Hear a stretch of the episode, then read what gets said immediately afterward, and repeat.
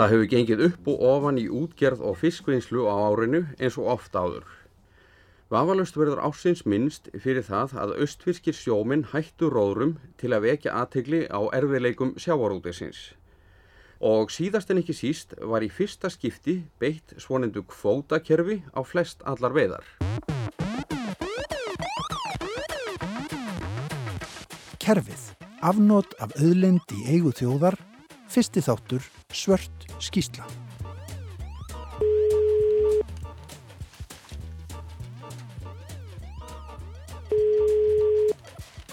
Ágúst. Blessaður Ágúst, Guðmundur Nei, Pálsson, hvað segirðu? Nei, ég ætla hérna, nú lappa ég fjögur skref Já, og þrjú skref viðbútt. mm Þá er ég konið í stúdíunum, sko. Það er nefnilega það. Erum við tengjast einhvers stöðan saman þarna eða? Sjá, sjá þið hér í þér. Sko, þarna ertu. Já. Þá getið slitið símtalinu. Já. Þá bara spurning, hvernig viljum við gera þetta? Ég vil bara byrja á byrjunni. Já, Er það ekki bara? heyrðu, þá bara rúlum við að stað. Já, þú byrjar. Árið er 19 Ertu, ertu, ertu, ertu sér svo tilbúin? ok, Þorsteinn Gíslason, eh, fiskimálastjóri. Eh, Nú er kvótakerfið eh, takmarkandi kerfi og margir óttuðust að mikið myndi draga úr veiðum. Hver er reynslan nú í áslokk? Fiskveiðarnir í ár hafa orðið þjóðinni mjög hagstæðar þegar við lítum á afla og verðmæti. En það er líkur á því að árið 1984 verið þriðja besta afla ár í fiskveiðsögu Íslandinga. Ætlar að grípa fram í aftur eða má nei, ég byrja? nei, ég lofa.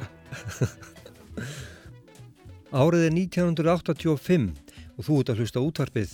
Gissur Sigursson frettamæður ræðir við fiskimálastjóra um nýtt kerfi, kvótakerfið, sem þarna var um það bil áskamalt, en átti eftir að hafa gríðarlega áhrif á Íslands samfélag næstu áratugi og fram á þennan dag. Ég heiti Ágúst Ólafsson. Og ég heiti Guðmundur Pálsson. Þetta er þátturinn Kerfið. Þar sem við ætlum að fjalla um íslenska kvótakerfið og ýmsar hliðar þess. Af hverju það var sett á, hvernig það gerðist og hvaða áhrif það hefur haft í tæplega 40 ár. Í fjórum þáttum ætlum við að bruna um landið og spjallaðu fólk sem þekkir sögu kvotakerfisins en einni útgerðamenn, fiskverkendur og íbúi sjáaþorpum sem vinna í þessu kerfi alla daga. En þegar kvótakerfið var búið til á sínum tíma var það ekkert endilega meitlað í stein og hugsunin kannski ekki svo að þetta kerfi ætti að endast um aldur og æfi.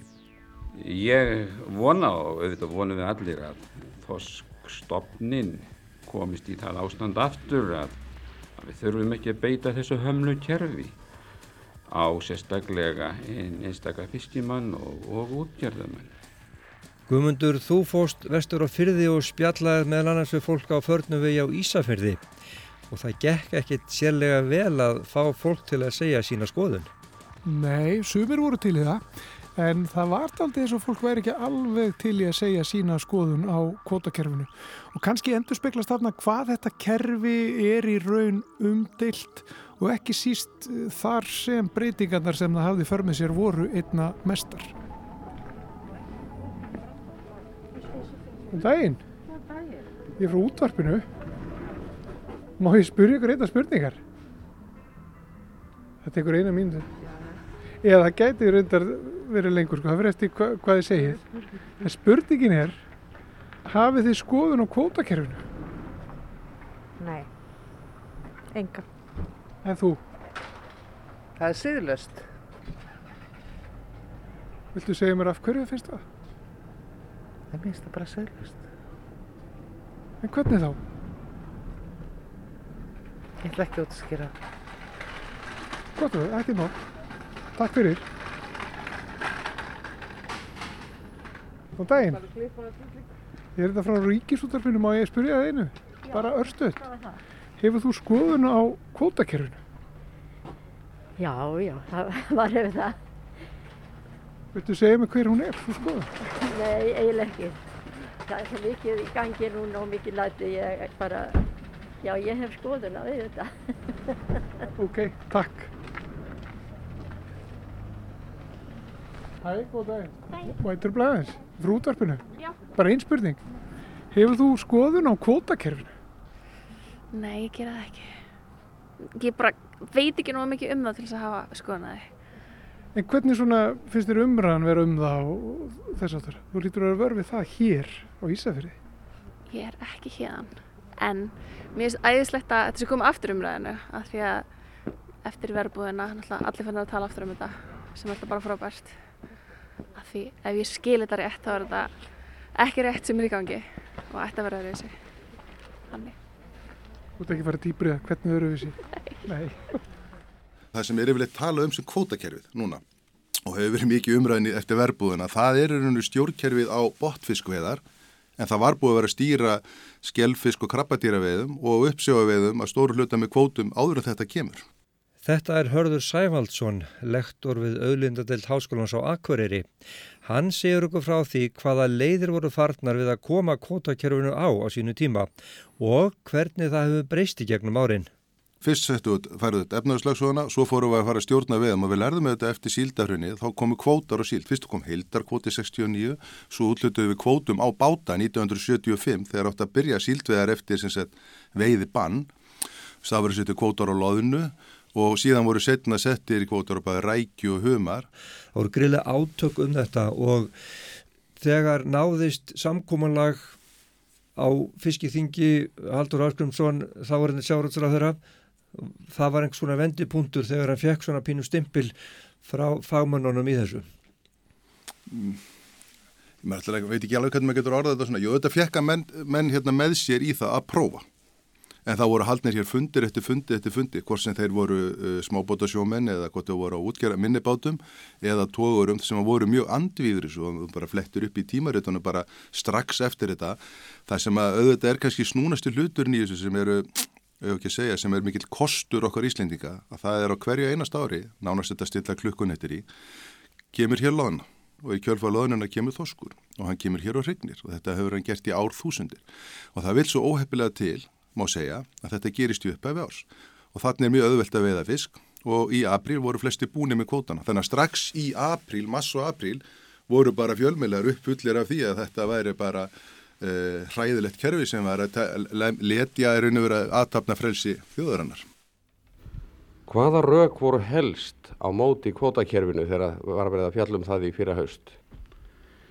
Menn voru hrættir um að aðburðar menn yrður fluttir neyri meðal mennsku sem bestri afkoma hafa skilað í veiðum og útgjörð. Þegar lögjum voru sett í januar 1984 í fyrsta sinn um, um kvotakerfið, botfiskerfið, þá prófum við bara í eitt ár. Með þorði ekki að fara allarlega strax, þetta var innlegt í einhvers konar skömmtum. Það var svo sem ekki uppskrift til. Þetta er svona svo að fara að byggja hús og, og bara að fara að prófa sér áfram og sennilega myndum við gera þetta einhvern veginn öðruvísi eða við vissum þetta. Mm. Það voru þannig að það við settum lög 1976 þegar við fengum, tókum yfir efnaðarslöksuna og í raun og veru voru ekki sérstök lög búin til. Það var bara sett inn viðbót inn í þessi lög frá 76 árið 84 þar sem að ráþeira var bara gefin heimild til að setja gefa út reglugerið. Lög er eitthvað sem við förum í gegnum alþingi, reglugerið er eitthvað sem ráþeira maður breyta og stendur hvað hann má gera innan, innan lagana og þessu var bara bætt við að ráð þeirra mætti gera þetta og það var svo endun í að áriða eftir síðan voru búin til sér lög sem voru í tvö ár, svo aftur í tvö ár og síðan komu lög sem komu í raun og veru 1990 sem voru fyrstu heilstæðu lögin. Og þá er rosalega mikilvægt að hafa í huga nú stökku við svolítið stórt uh, eða langt tímabil. Og það voru í raun og veru þrjú kerfi á Íslandi. Það var kerfi fyrir smábóta það voru svo kvöldi sérveiðileifi sem voru rækja, humar, síld og loðna. Og síðan var botfiskurinn sem skiptist í raun og verið smábáta og önnurskip. Þessu var öllu styrta saman í heilstætt kerfi 1990. Þá verður raun og verið þetta kerfi sem við höfum í dag, það sem er þetta að fara breyta rækju í humar og humar í þosk og svo framvegis og hægt að fara að selja þetta í allar áttir. Skreppum aftur vestur og heyrum aðeins að því hvernig fólk á söðureyri vinnur í kvotakerfunu. Halló, halló. Kas, kannski er kannski segjum bara hvað þú heitir og, og hvað þú gerir. Já, ég heiti Óðin Gesson og ég er hérna framkvæmdastjóri fyrir fiskvinnslunu Íslands og, og Suðurinni. Segjum bara hvað þið gerir hér. Heyrðu, við erum hérna, skal ég þér segja, í útgerð og fiskvinnslu. Upp í staðan er fersk vara sem að flýgur þá frá Keflavík eða fer með skipi frá Reykjavík yfir á Európumarkað. Stæsti fókusin í dag er akkurat núna er á, er á Amerikumarkað. Við erum með eigum sjálfur innan gæsalapa, einn bát sem við gerum út.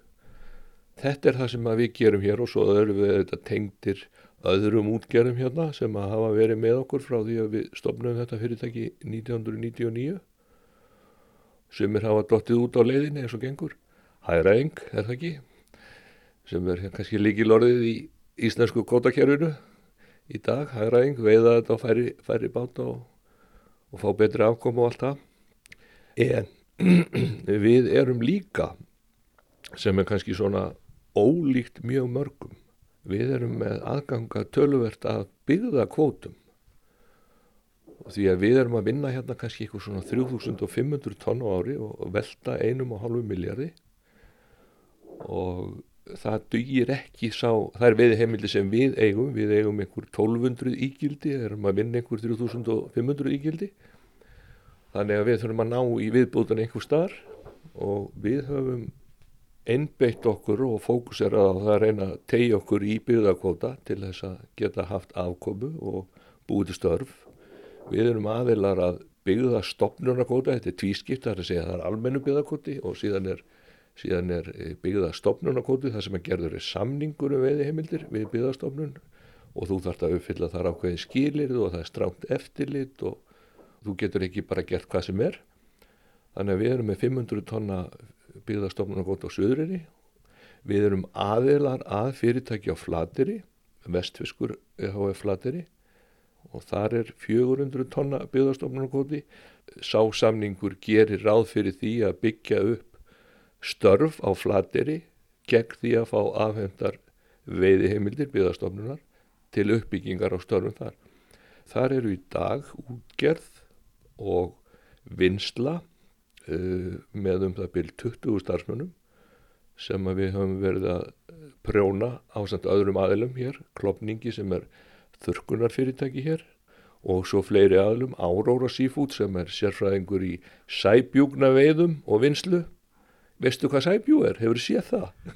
Ég hef reyndar séð það. Já, ég veit ekki Þú mátt lýsa þér fyrir það, ég veit eiginlega bara ekkert hvað sæbjú eru Þegar ég var til sjós, ég var að byrja til sjós 16-17 ára þá var þetta nú helvítis ódráttur að fá þessi sæbjú og þetta var kallað gíapussa og þetta var nú bara slegið af af, af línunni sko, þetta kom á línuna en nú er þetta veitt í plóa. Og þetta er matur, herramansmatur segja þér, ég hef aldrei smakað þetta þannig að þar kemur til dæmis tekking hjá klopningi og söðurir inn og þarna höfum við samennað á einn stað þurkun á róði, þurkun á sæbjúum framlegsla á lampahotnum Það eru 660.000 lampahotn sem að falla til á slátutíðinni. Þau verða öll þurkuð og, og flutt út til Ameríku. Er ekki kvót á þeim? Ekki kvót á þeim sko, ekki nema náttúrulega að það er kvót á söðfjö, er það ekki, eða, er það ekki eitthvað svo lýsið? Það er ekki að hafa einhver ærgild eða ég kann ekki alveg á þann kvóta. Því er ekki, við snú því ekki upp á, upp á þorski getist tonn það? Nei, við gerum það, það ekki sko ekki. og reynum það ekki, en þetta er gott með tölum þú aðeins meir um þetta að sko þið eru aðlar að, að fyrirtæki sem fær byggðakvota þið nýtið hann það er okkur en skildur sem fylgja því að fá byggðakvota og þar á meðal er vinslu skildan en það þarf ekki að vera sá fiskur sem þið sækið út á þann kvota eða hvað Til, ef við tökum plantarættamið að því ég veit að við höfum svona sko það hefur verið lamið í hausinu okkur út, út af því af, af sumum en þetta er nú allt fínasta fólk og bara flott fólk sko Við vinnum aflan hér sem við veiðum úr flatterakvota. Við búum til önnur störf á flatteri. Þetta styrkir vinsluna á söðuriri og þetta eigur fjölbreytni störfum í heilsinni fyrir Ísafjörðabæ með áherslu á flatteri. Þannig að það er hægt að búa til einhvað í kringum ef, ef þú fær svona styrk eins og þetta er auðvitað ekkert annað styrkur sko. Þannig að það er hægt að prjóna svona í kringum þetta sko sumir halda það að fá byggðarkvota sé bara ávísun og einhverja peninga. Það er það kannski svona í orðana hljóðan en þegar það fylgja því orðið skildur og þú þarfst að gera hlutinu á einhvern hátt og þú þarfst að sína árangur eins og í þessu flæðara tilfelli þurfum við að búa til 20-25 störf á samningstímanum sem eru 5 ár og það, það eru nú þegar komin held ég 16-20 Og það er í sæbj sæbjónum? Sæbjúr, róði, lambahönnum. Þetta er það sem við höfum búið til í kringum 400 tonna byggðarstofnunarkvota á flateri.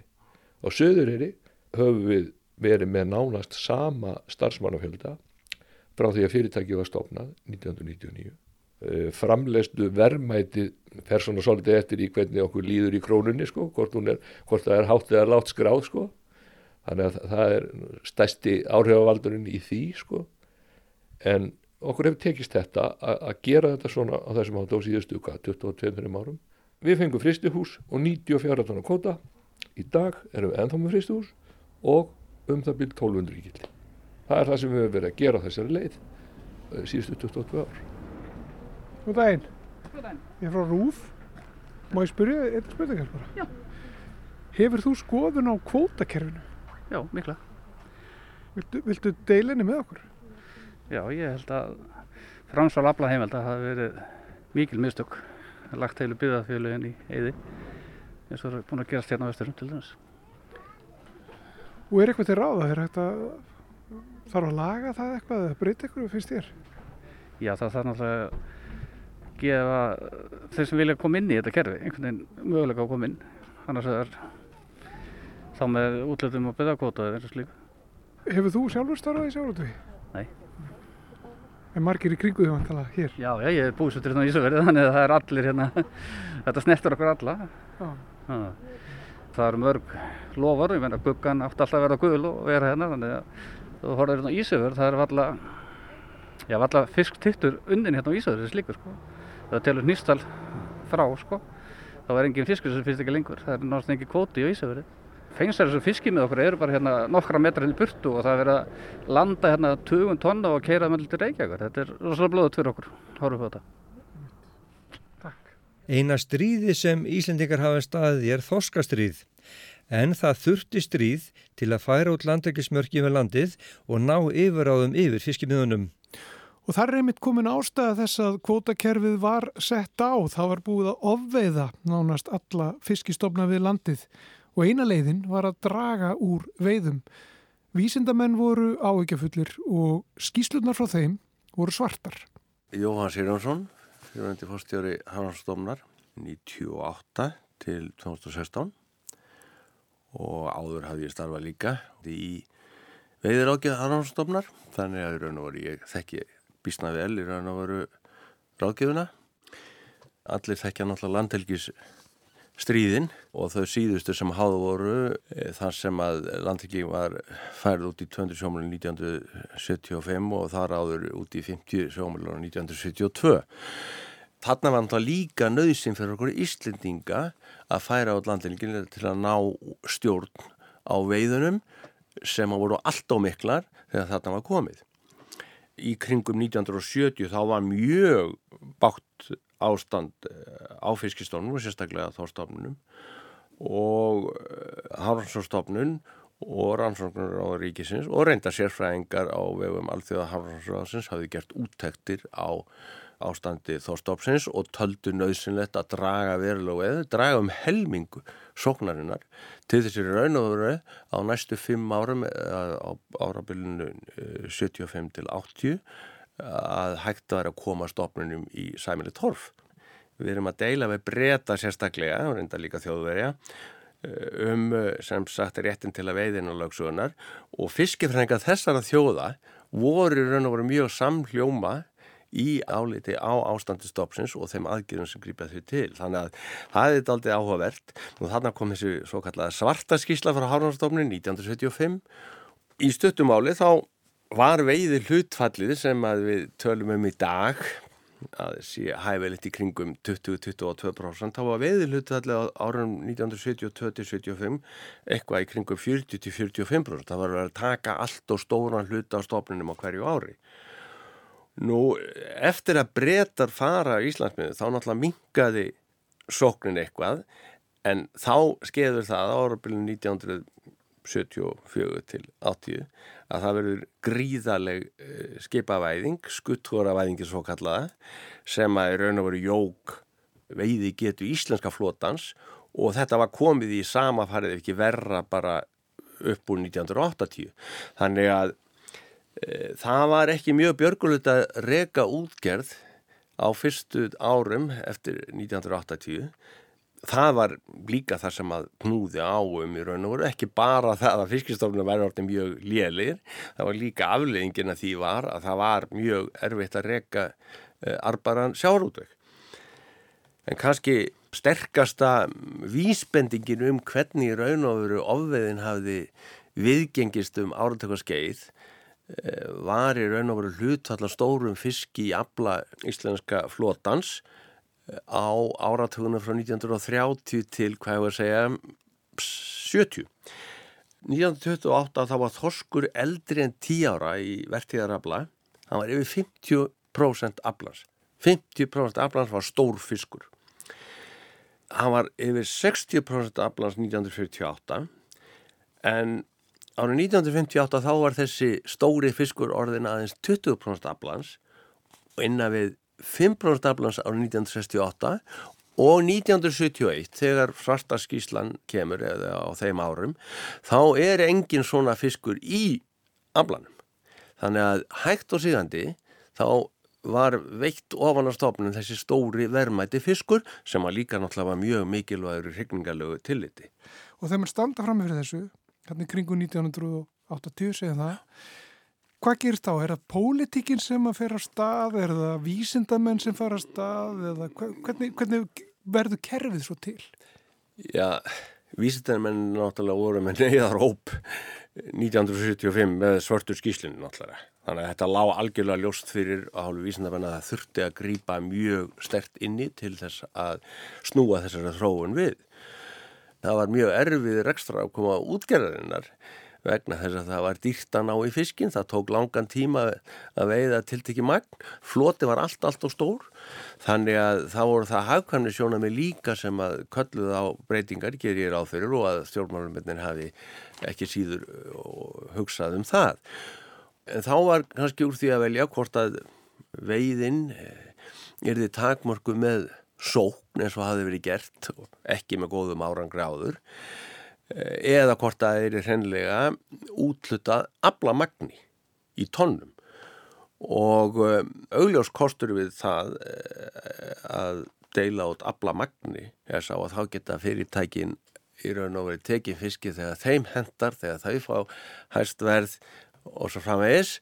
Nú eh, að reyna að stýra aflamagninu með sóknar stýringu Uh, jafnveg þó að sé einhverju leiti soknastýring með veiðaferrastýringu og svæðastýringu í dag uh, þá er það mun, hvað ég var að segja gekk það mjög illa vegna þess að tæknið framfærir eru svo miklar að þú ætla að halda sömu sókn frá einu ári til annars, það þetta er reynilega að minka sóknartíman vegna tæknið framfæra og það var nú ekki held ég hlutur sem að menn voru tilbúin að gera og, og ég held að menn hafi séð að það getur að erfitt. Nú eins voru allskinn skrítnin hlutin menn voru að stækka skipin og minga skipin til þess að, að flokkast eitthvað rétt með til til sóknar heimilda þannig að þetta raun og veru niðurstaðan var svo að best væri að takmarka þetta með abla magnít í tónnum og síðan getur menn náðið þann abla með þeim hætti sem að þeir taldu hagkvæmast það er eitt af mikilvægast að þegar að vera hugsun kvotakerri að muna það að það eru bara 100% í sjónum og þegar að þú færð og ég fæ aukalega þá hlýtur ykkur annar að skerðast. Þú varst að kaupa þér tóðara og ég var að kaupa mér trillu. Þegar að kvotunum var útluta 1984 þá byggði það á veiðirinslu síðustu þryggja ára, það er að segja frá november 1980 til november 1983. Svo var kvotunum útlutað. Þinn tógar var ekki komin. Svo mætið þú með blómynduna fyrir tógaran, engin aflæðrensla, ég mætið með trilluna og það er engin aflæðrensla. Öðvöldu fyrir við og hliðin að förum með þetta sparki og okkar þingmenn. Þeir fara þá að íta þessu áfram og þá byrja bútasömurinn. Það urðu mikil vandraði í kjölfarið á setningu kvotakjörðsins og útgerði gengu illa að þetta var bölva vesen og þá fannst mannum að það þyrti að búa til einhvers konar markaskerfi í kringum þetta og, og þetta frjálsa framsal var sett á. Já, 1990 er þessins lögin sett að verða svo virk 1991. Mm. Þetta er samt svona pínu hártóma, sko, þú veist. Það er talað um, jújú, jú, frjálsa framsal. Sko, framsal var heimilt 1984 þú höfðu bara sækja um þetta til ráðherra og það mætti færa það innan, innan hérna verstöðar sem er þá, segjum bara þitt bæjarfélag, innan fyrirtækis og þú veitur bara sækjum heimild og, og bara sem dæmi þá veitti ráðherra uh, 160, uh, 180 okkar framsæðsheimildir sem var, voru um það vil 20.000 tonn bara fram í nóvember 1984 sko. Þetta var líka hægt 85 og 86, 87 og 88. Það er mikilvægt að hafa í huga hér að það eru raun og veru þrjú megin markmið með fiskvistjórnum. Fyrsta markmiðinu er yfirleitt lífræðilegt sem að flestur eru samála, við viljum venda fiskistofnuna. Anna markmiðið er þá að það, þetta, sé, þetta er á alimsvísu, þá séu það efnahagsleg markmið og svo samfélagsleg markmið. Og það er vill þannig til að yfirleitt er þetta að taka lífræðilega út fyrir svega og þá sétu eftir með efnahagslega og samfélagslega og það gengur mjög oft illa að láta þetta tvinnast saman.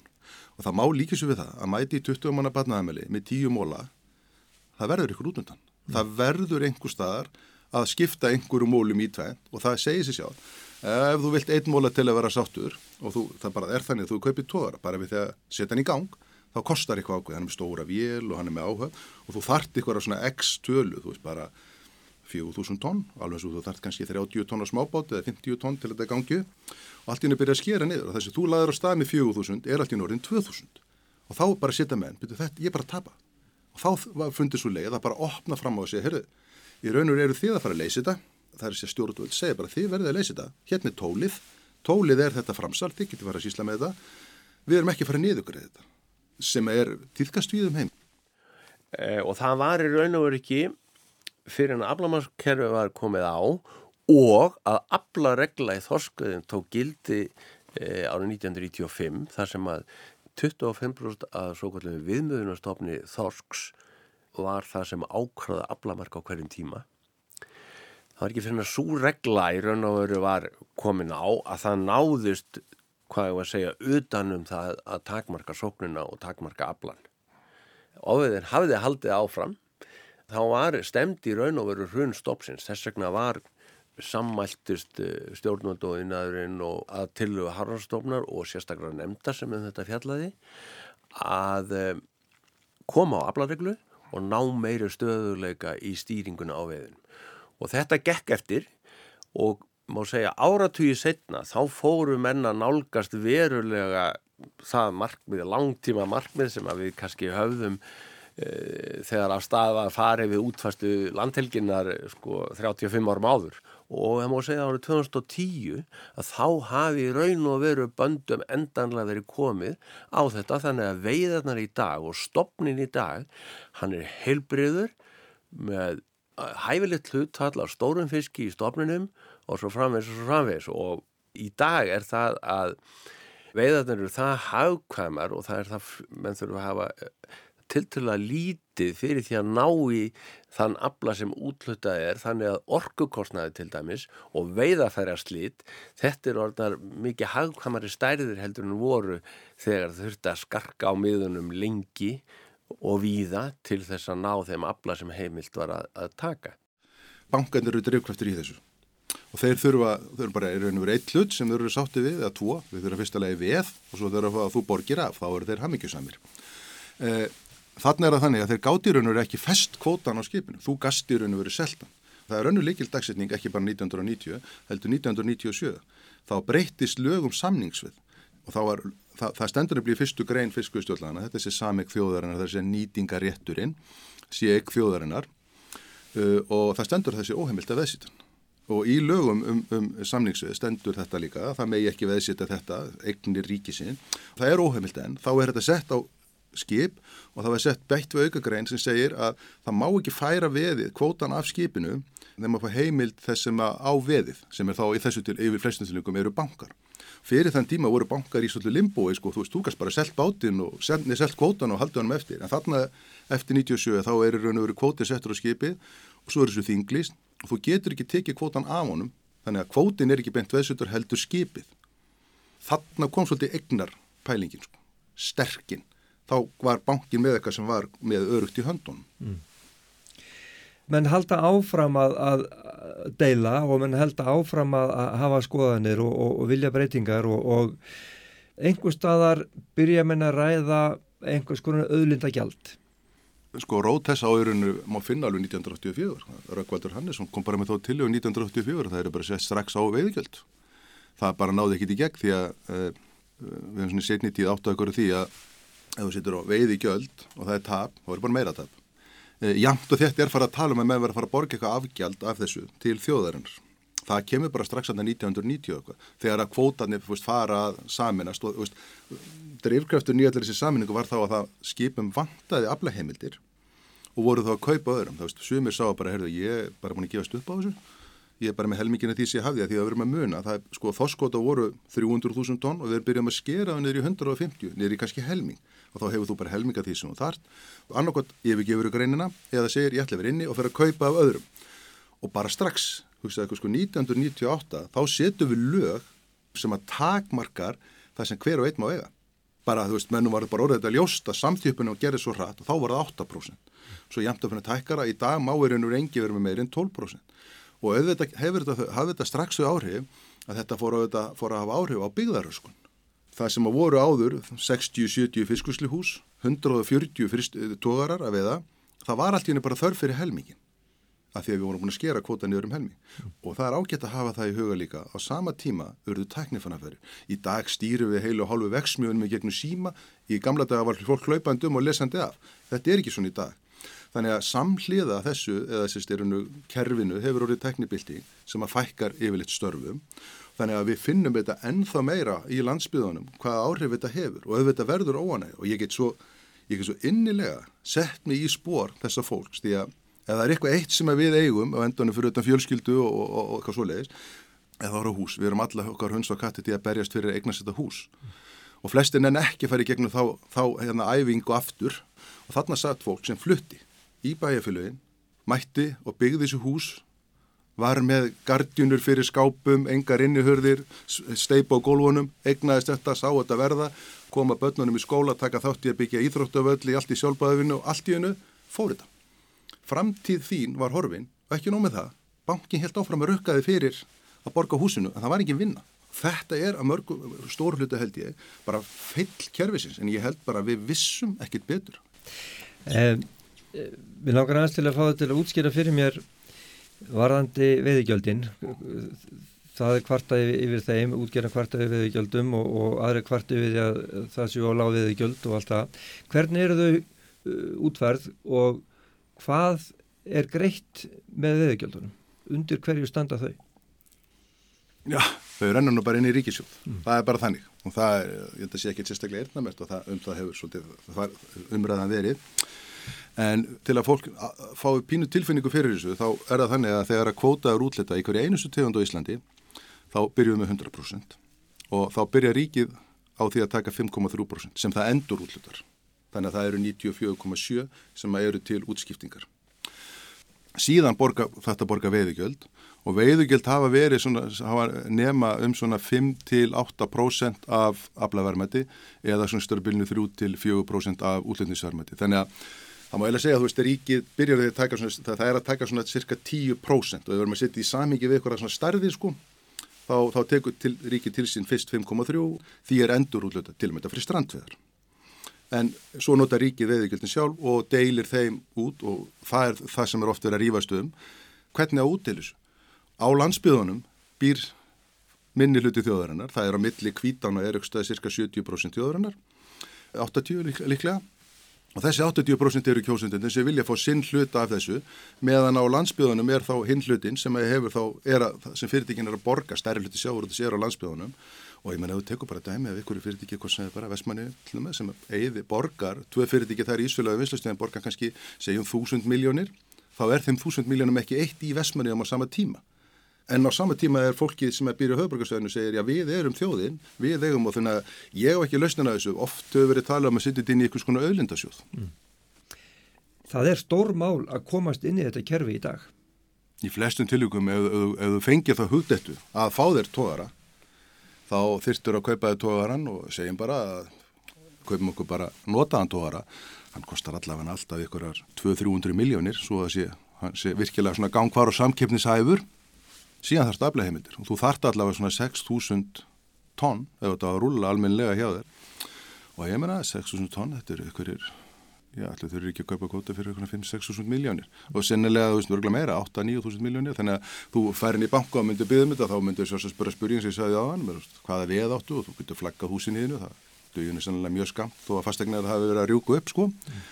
Bara að starta strandviðibát, þetta eru svona 10 miljónir eitthvað svolítið sem það kostar, þú getur alveg færa ódýrar að sko, það getur komið, komið 5-6 miljónir, en, en, en strandviðarnir eru þetta bara hlutastarf.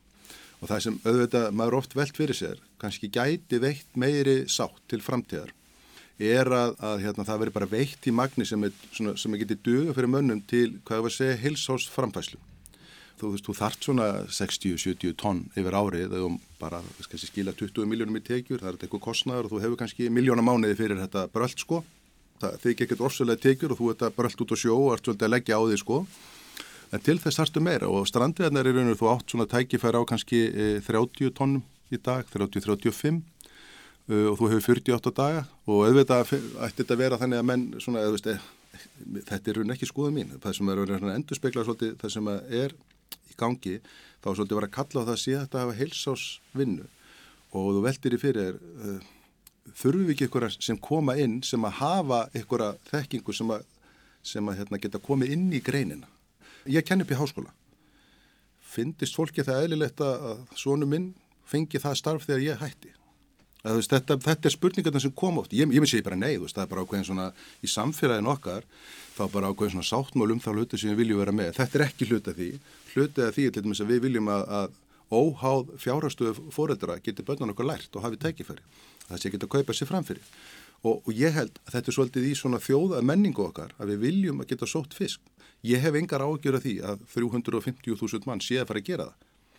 Bara á nákvæmlega sama máta það eru ekkert margir í þjóttjansafélaginu. Þá eru ykkur í 700 skrítni sem enna fara eitthvað út á bátum og vera færið á milli kynsluða mm. og það er alveg stórmækjalið með strandveðaflan til að mynda. Það eru bara verið nokkuð jafn afli. Þú veist, það má veiða x sko, en meðalafli, þú veist, er miklu lægri sko. Þú veist, og ég sé að þú gætir mestalega við 30 tón, 35, en meðalafli kannski 11-12 tón sko. Mm. Það er fullt af fólki hérna inni sem er bara annarkot á leiðinu út af því það var sjómenn eða á leiðinu inn af því þessi nýliðun eða einfallega það bara langar að gera þetta því að það hefur áhuga á þessu og þá viljum við bara leifa þeim að geta farið hann inn og eitthvað svolítið. En það verða alltaf að vera mörg. Mm.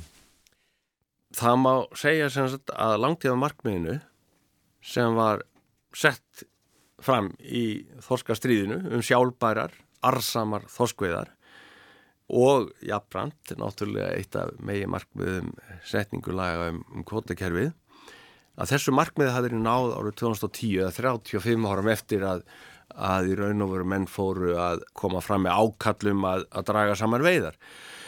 Og þegar við tölum um að þessu markmiði sín náð þá fer saman stór fjölbreyttur hringingastofn sem gefur af sér heilbriða árganga og stór veiðistofn sem gefur af sér hagkvæma sókn og lámas tilkostnað við veðarnar og í raun og veru með hvaða hættir sem við stýrum veiðum þar sem ef við ætlum að hafa verulegan arð og, og hérna hag af þessari auðlind okkar þá verðum við að stundu aflöfa rannsóknir